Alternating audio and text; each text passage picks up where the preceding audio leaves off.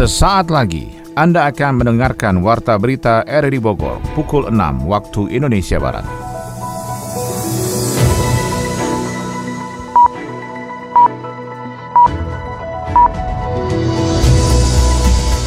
Selamat pagi dan salam jumpa. Kembali kami hadir dalam Warta Berita edisi hari ini, Jumat 3 Juni 2022. Siaran ini bisa Anda dengarkan melalui audio streaming pada aplikasi Radio Play di perangkat smartphone Anda dan turut disiarkan Radio Tegar Beriman Kabupaten Bogor. Berikut kami sampaikan berita utama. Dicabutnya subsidi minyak goreng curah bersubsidi oleh pemerintah tidak berdampak bagi pedagang dan konsumen di pasar Cigombong, Kabupaten Bogor. Di sini kita jual 19.000 dari agen itu nggak ada yang subsidi-subsidi gitu. Pemerintah Kota Sukabumi berupaya menekan angka kasus stunting dengan melibatkan remaja perempuan sebagai garda terdepan. Sasaran kita yang namanya mencegah stunting dari hulu itu adalah remaja. Rangkaian peringatan Hari Jadi Bogor ke-540 tingkat Kabupaten Bogor diawali dengan kegiatan tabur bunga di Taman Makam Pahlawan Pondok Raja Cibinong. Sambil kita tabur bunga itu dalam rangka proses pengingatan, jangan untuk melupakan sejarah. Saya Molanis Narto, inilah Warta Berita. Selengkapnya.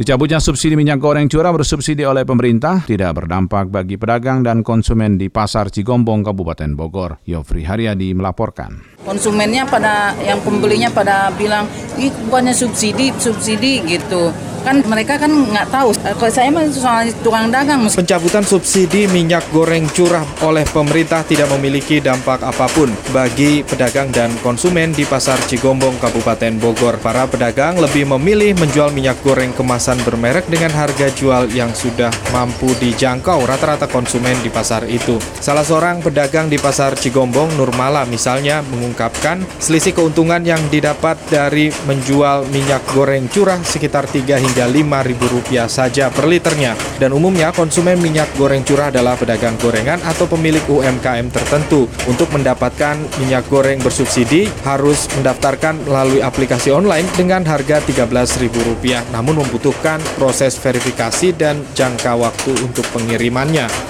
Iya, soalnya kan saya kemarin baru daftar tuh, baru daftar katanya yang subsidi tuh hmm. uh, 13 per liter gitu hmm. kita.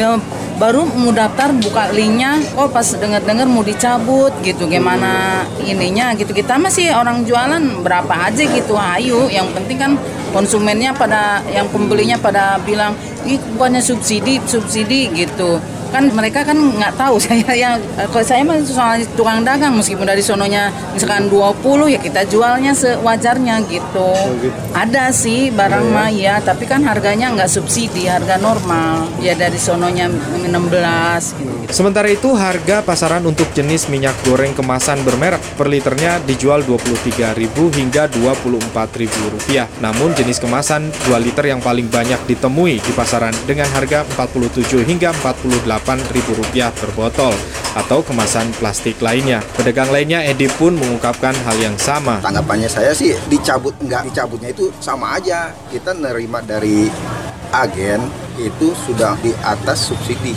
di empat belas ribu, lima belas ribu ya kan, ya enam belas ribu lah ya kan. Di sini kita jual sembilan belas ribu. Dari agen itu nggak ada yang subsidi subsidi gitu. Kita nggak dapat yang subsidi. Mungkin ya ada sih ada, tapi dengan jalur lain gitu. Pembelian kita aja di sini sudah empat belas ribu. Yang itu ya minyak curah. Minyak curah ya, curah, ya. apalagi sekarang ya kan karena kemasan lebih mahal. Ya mungkin mereka yang pedagang-pedagang gitu pedagang gorengan pedagang itu larinya ke yang kiloan itu minyak curah. Sementara itu beberapa harga komoditas pokok di pasar Cigombong terjadi kenaikan. Harga di antaranya telur ayam per kilogramnya 29 hingga 30 ribu rupiah per kilogramnya dan daging ayam per kilonya 38 ribu rupiah. Kenaikan harga itu pun bagian dari antisipasi pedagang menghadapi Idul Adha awal Juli nanti. Pemkot Sukabumi berupaya menekan angka kasus stunting stunting dengan melibatkan remaja perempuan sebagai garda terdepan. Adi Fajar melaporkan. Pemerintah Kota Sukabumi menargetkan dalam dua tahun ke depan angka stunting akan terus ditekan. Wali Kota Sukabumi Ahmad Fami optimis target stunting di angka 14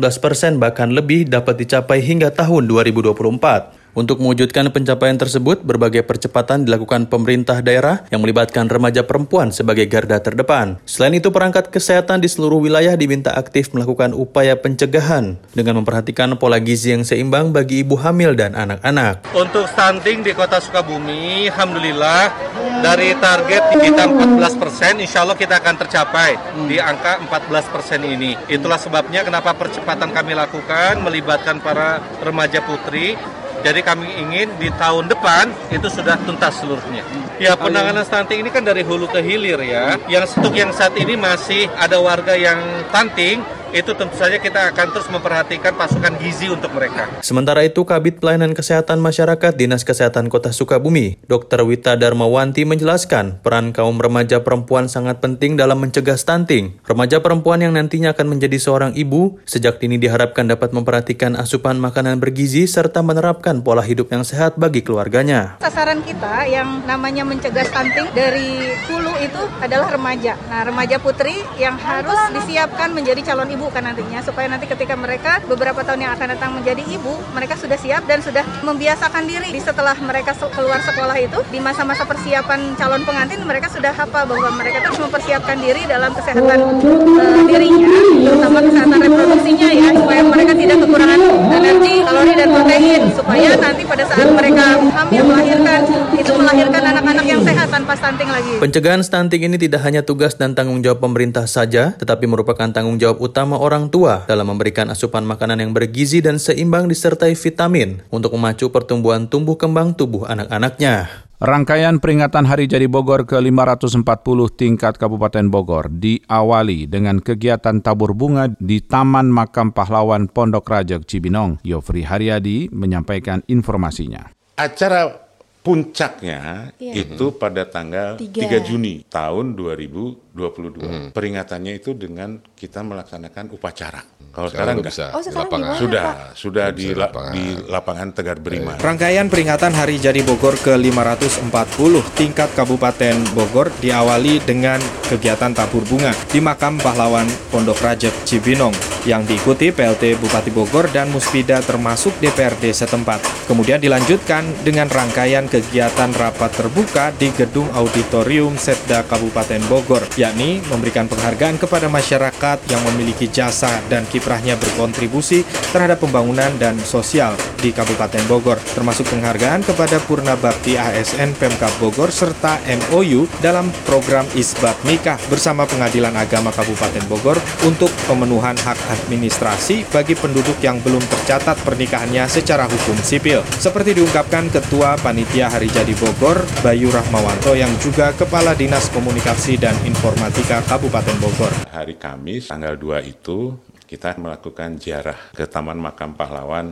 Pondok Rajekan hmm. sambil kita tabur itu dalam rangka proses pengingatan jangan untuk melupakan sejarah. Dilanjut, hmm. kita memberikan apresiasi kepada pelaku-pelaku, baik itu di bidang dari pemerintahan atau dari masyarakat. Penghargaan. Iya, penghargaan. Ya, Apa sih hmm. yang sudah sumbangsihkan menjadikan Bogor atau khususnya Kabupaten hmm. Bogor ini sampai bisa kita rasakan seperti sekarang ini. Kita akan memberikan penghargaan Pancakarsa Award. Ada penandatanganan MOU, penandatangan MOU antara pemerintah Kabupaten Bogor hmm. dengan Pengadilan agama berkaitan dengan program nikah isbah. Pelaksanaan kegiatan sendiri untuk tahun ini masih di tengah pandemik dan fokus kegiatannya juga berlangsung di 40 kecamatan yang ada. Salah seorang relawan Taruna Siaga Bencana Tagana penerima penghargaan Pancakarsa dalam HJB ke-540 tingkat Kabupaten Bogor, Jajang Eko mengungkapkan rasa bahagianya dan memberi motivasi kepada juniornya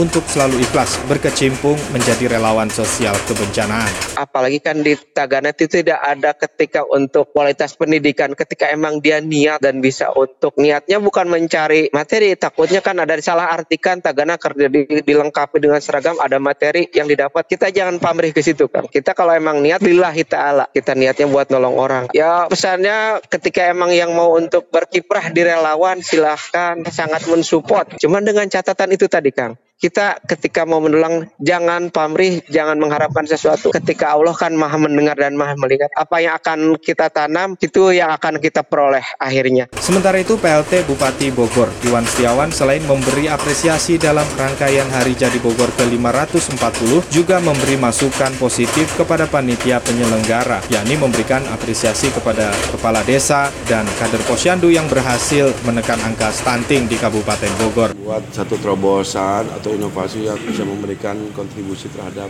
pemerintah Kabupaten Bogor. Nah, itu harus diapresiasi dan insya Allah sih kalau ke depan harus ada tambahan kategori lagi yang hmm. yang belum masuk di 40 itu. Contoh saya kasih contoh tadi, kepala desa yang bebas stunting gitu. Itu kan harus diapresiasi kadesnya pengurus posyandunya, perawat dan lain sebagainya itu kan contoh. Banyak lah, nanti kita kaji. Jadi melebar gitu, jangan hanya banjir yang melebar, kategori juga melebar. Jadi kan banyak ya banyak 50 kategori, kategori kan bagus. Hmm untuk uh, ini dikaji kan insya Allah kalau ya kan ini tidak pakai apa-apa masyarakat itu dikasih apresiasi kan luar biasa jadi sebenarnya mau berapapun yang memang uh, berkualitas dan spesifik untuk memberikan kontribusi kepada pemerintah itu ya harus diapresiasi semua gitu.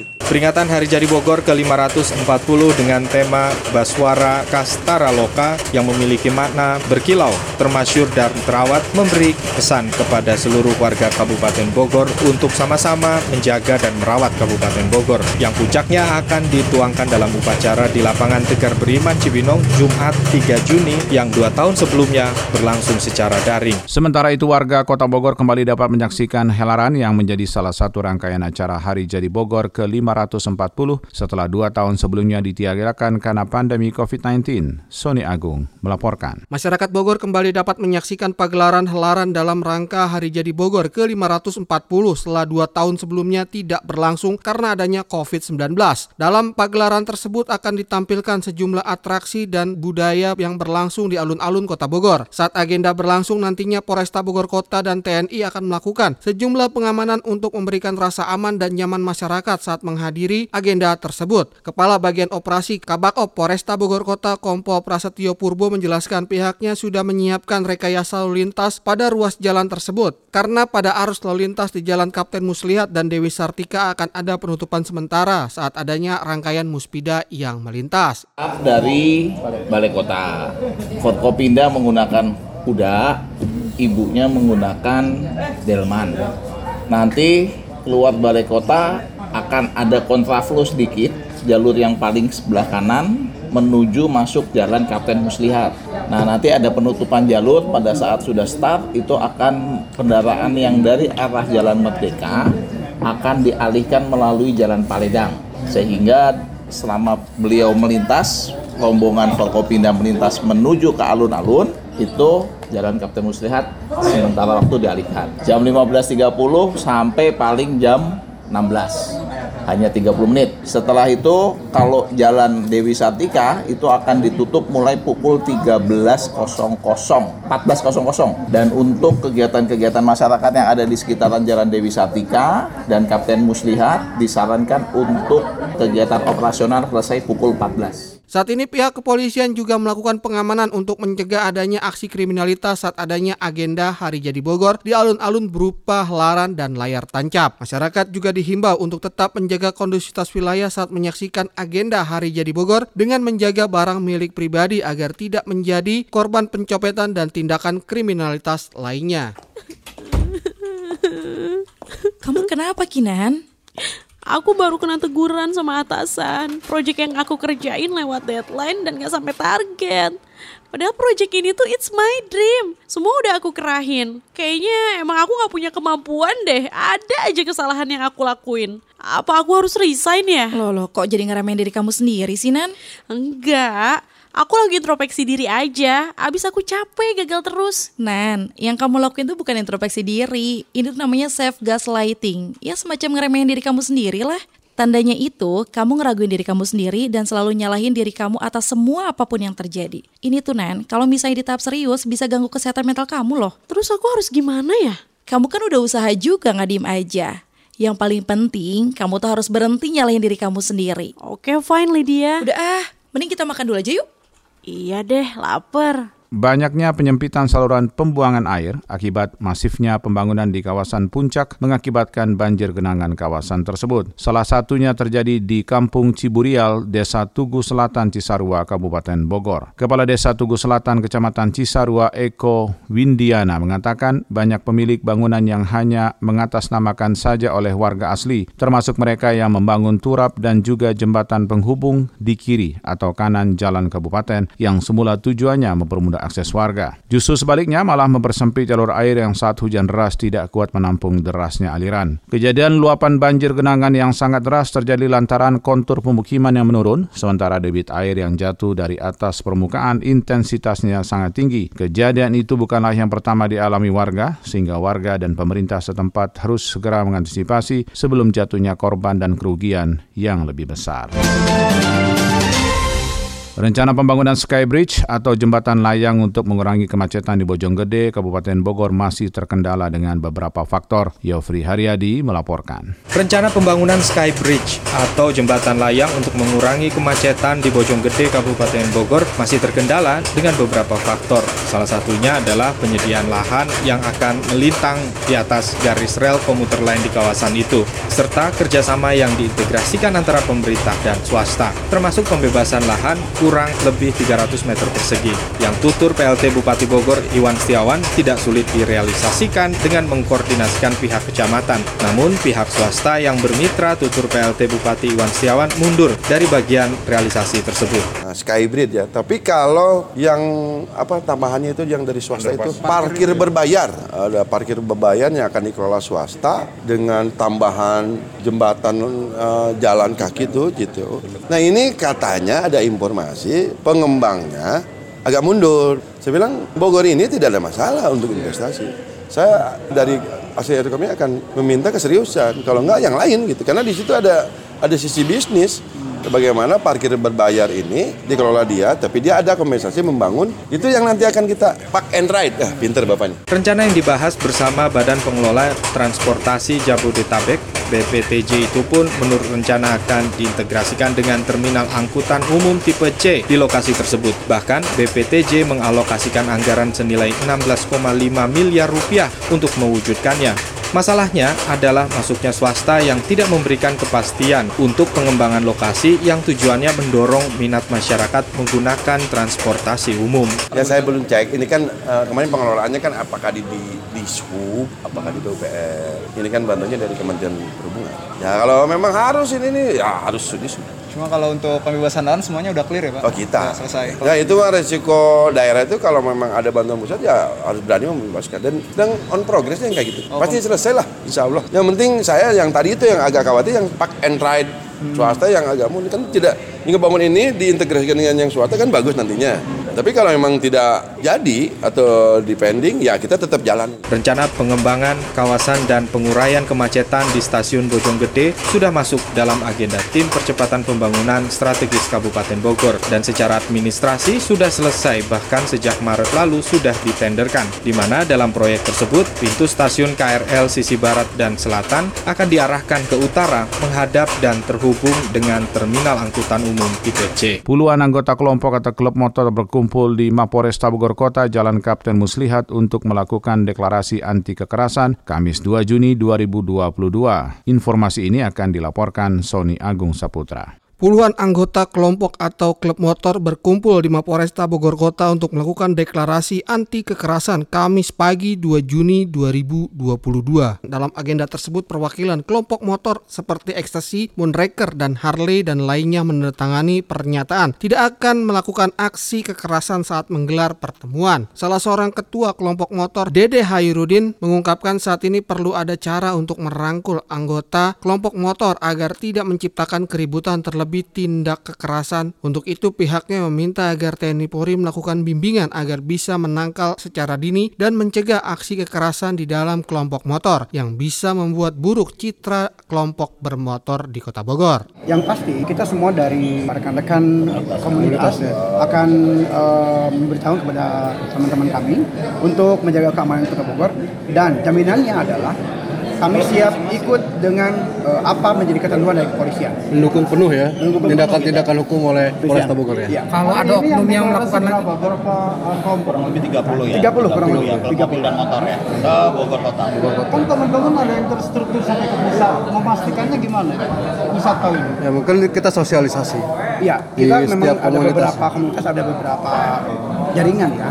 Insya Allah juga kita informasi terus Di sini tuh ada klub yang ber, uh, ada ada ada yang uh, ada ART-nya lengkap. Sementara itu Kapolresta Bogor Kota Kombes Pol Susatyo Purnomo Condro meminta agar semua pihak dapat melakukan tindakan sesuai dengan koridor hukum dengan tidak membuat keributan yang meresahkan masyarakat. Jika ada kelompok bermotor atau oknum yang melakukan tindakan melawan hukum maka pihaknya akan melakukan tindakan tegas terukur bahkan tidak segan-segan untuk menembak di tempat pelaku pembuat onar.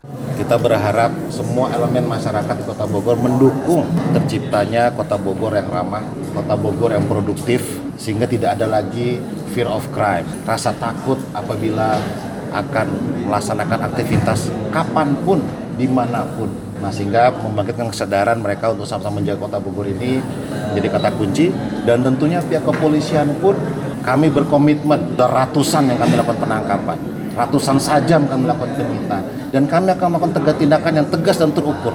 Bila perlu kami akan melaksanakan tembak kepada para para kelompok-kelompok masyarakat yang masih menampilkan hasil kekerasan berbahaya bagi petugas, berbahaya bagi masyarakat. Tentunya ini menjadi bagian rangkaian daripada uh, upaya kami untuk menciptakan kota Bogor yang yang ramah, kota Bogor produktif. Kepolisian bersama perangkat TNI dan Polri juga Satpol PP melakukan patroli secara berkala di kawasan yang rawan terjadi keributan sehingga masyarakat dapat menjalankan aktivitas secara aman dan nyaman tanpa takut adanya keributan dari kelompok tidak bertanggung jawab tersebut.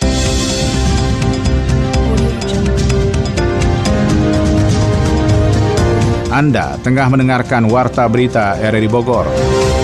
Dari dunia ekonomi, tingginya harga bahan pangan di tanah air dipicu oleh kondisi global yang berdampak pada kenaikan biaya produksi. Menteri Koordinator Bidang Perekonomian Erlangga Hartarto mengatakan Indonesia terbuka untuk bekerja sama dengan mitra global demi memastikan proses pemulihan ekonomi berjalan merata di seluruh negara G20. Kita ikuti info ekonomi bersama Adi Fajar Nugraha. Tingginya harga bahan pangan meski lebaran sudah lewat satu bulan dipicu oleh kondisi global yang berdampak pada kenaikan biaya produksi. Direktur Center of Economic and Law Studies, Bima Yudhistira mengatakan ini adalah anomali sebab meski permintaan turun namun harga masih tinggi. Ia mengatakan saat ini harga pakan ternak naik karena jagung dan gandum meningkat tajam sejak awal tahun. Akibatnya mempengaruhi harga jual daging dan telur. Berdasarkan data di pasar spot internasional, harga jagung mengalami kenaikan sebesar 10,8 persen dalam setahun terakhir dan gandum 57,9 persen di periode yang sama. Krisis di Ukraina serta proteksionisme yang dilakukan oleh negara produsen utama pangan seperti India yang membatasi ekspor gandum memicu kenaikan biaya produksi secara signifikan. Bukan hanya di Indonesia, hampir di seluruh dunia, pakan ternak mengalami lonjakan harga. Kemudian di sektor pertanian, harga pupuk non-subsidi naik tajam. World Bank Commodity Price menunjukkan indeks harga pangan secara global mengalami kenaikan sebesar 32,5 persen secara tahunan. Sementara indeks kenaikan harga pupuk mencapai mencapai 151 secara tahunan. Bima memprediksi perkembangan berbagai faktor baik pasokan dan permintaan membuat harga pangan akan terus melambung tinggi hingga akhir 2022. Menteri Koordinator Bidang Perekonomian Erlangga Hartarto mengatakan Indonesia terbuka untuk bekerja sama dengan mitra global demi memastikan proses pemulihan ekonomi berjalan merata di seluruh negara G20. Dukungan itu menurut Erlangga bisa berbentuk proyek percontohan atau mercusuar dan kerjasama ekonomi terutama di bidang transisi energi serta pengembangan skema pembiayaan ramah pasar dengan praktik terbaik internasional. Kemudian pendanaan untuk mengembangkan teknologi yang tersedia dan terjangkau untuk mendukung transisi dari bahan bakar fosil ke energi baru terbarukan atau EBT. Hal ini sejalan dengan tema presidensi G20 Indonesia, yaitu Recover Together, Recover Stronger. Dengan demikian, semua anggota G20 bertanggung jawab untuk memastikan tidak ada negara yang tertinggal. Presidensi G20 Indonesia sendiri fokus pada tiga bidang prioritas global dan nasional, yakni memperkuat arsitektur kesehatan global, transformasi ekonomi berbasis digital, dan mempercepat transisi energi. Untuk percepatan transisi energi, lanjut Erlangga, terdapat tiga prioritas di bawah G20 untuk mencapai net zero emission COVID-19 secara global pada pertengahan abad ini. Tiga prioritas yang dimaksud antara lain mengamankan aksesibilitas energi, meningkatkan teknologi cerdas dan bersih, serta memajukan pembiayaan energi. Erlangga menambahkan sektor energi merupakan sumber dari 3 per 4 emisi gas rumah kaca. Dengan demikian, kerangka kerja G20 adalah memandu transisi energi dari negara-negara ekonomi utama. Dari dunia olahraga, pengurus Persatuan Bulu Tangkis Indonesia PBSI Kota Bogor mempersiapkan event kejuaraan kota atau kejurkot yang bakal digelar 23 hingga 26 Juni di Gor Indoor B Tanah Sareal. IMI, Ikatan Motor Indonesia, bersama Komite Nasional Pemuda Indonesia KNPI akan menyelenggarakan kejuaraan balap motocross memperebutkan Piala Ketua MPR RI. Kita ikuti info olahraga bersama Ermelinda.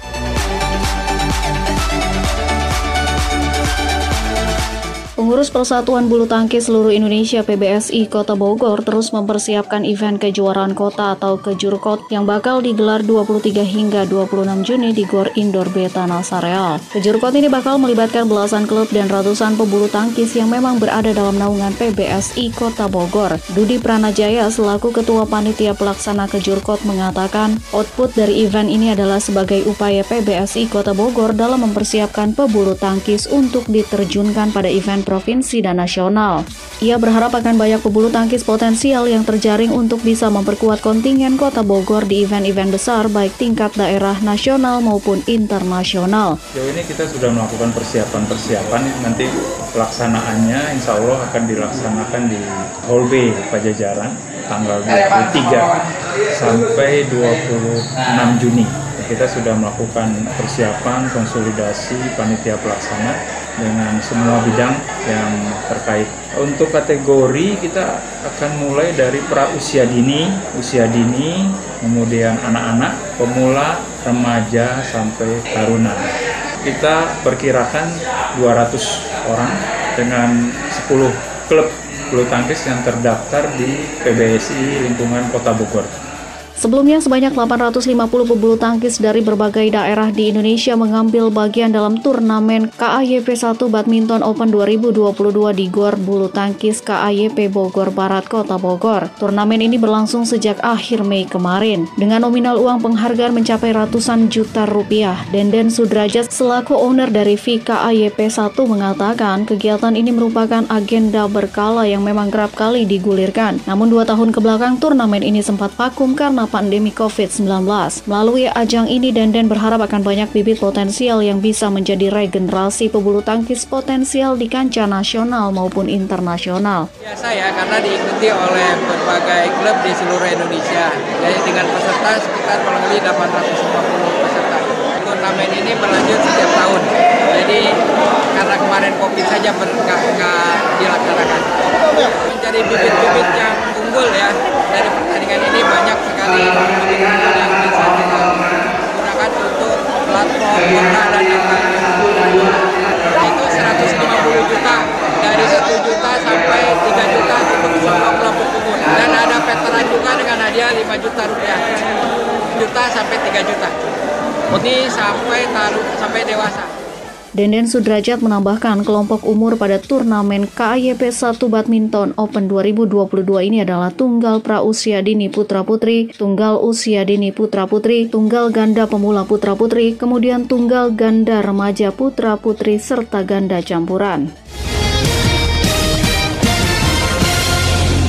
Ketua MPR RI sekaligus Ketua Umum Ikatan Motor Indonesia IMI Bambang Susatyo bersama dengan Komite Nasional Pemuda Indonesia KNPI periode 2022-2025 pimpinan Haris pertama akan menyelenggarakan kejuaraan balap motor cross memperebutkan Piala Ketua MPR RI. Pelaksanaannya akan dilakukan oleh KNPI Sulawesi Selatan di bawah kepemimpinan Ketua Arham Matayang. Kegiatan ini sebagai sinergi IMI dan KNPI dalam memberikan kesempatan kepada pembalap motor cross untuk mengasah kemampuan kemampuannya sehingga bisa melahirkan atlet balap profesional yang bisa mengharumkan Indonesia di kancah internasional. Ia juga menyampaikan bersama dengan MPR RI KNPI bisa menjadi bagian dalam memastikan vaksinasi ideologi berupa sosialisasi empat pilar MPR RI ke berbagai kalangan muda di berbagai daerah bahkan hingga daerah pelosok. Sebagai Ketua Umum Pengurus Besar Keluarga Olahraga Tarung Derajat PB Kodrat, ia juga mengajak KNPI untuk berkolaborasi memasyarakatkan tarung derajat yang merupakan olahraga seni bela diri khas Indonesia. Selain telah digunakan sebagai materi wajib yang telah dipelajari para taruna di Sekolah Tinggi Intelijen Negara STIN serta personil TNI Polri di berbagai kesatuan melalui KNPI, tarung derajat juga harus dikenal oleh kalangan muda bangsa.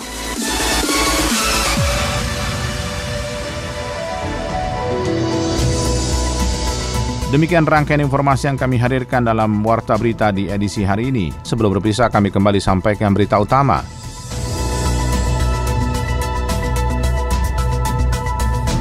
Dicabutnya subsidi minyak goreng curah bersubsidi oleh pemerintah tidak berdampak bagi pedagang dan konsumen di Pasar Cigombong, Kabupaten Bogor.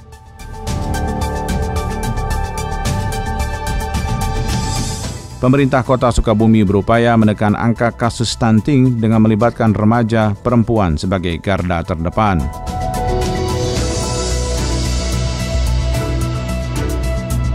Rangkaian peringatan Hari Jadi Bogor ke-540 tingkat Kabupaten Bogor diawali dengan kegiatan tabur bunga di Taman Makam Pahlawan Pondok Rajak Cibinong.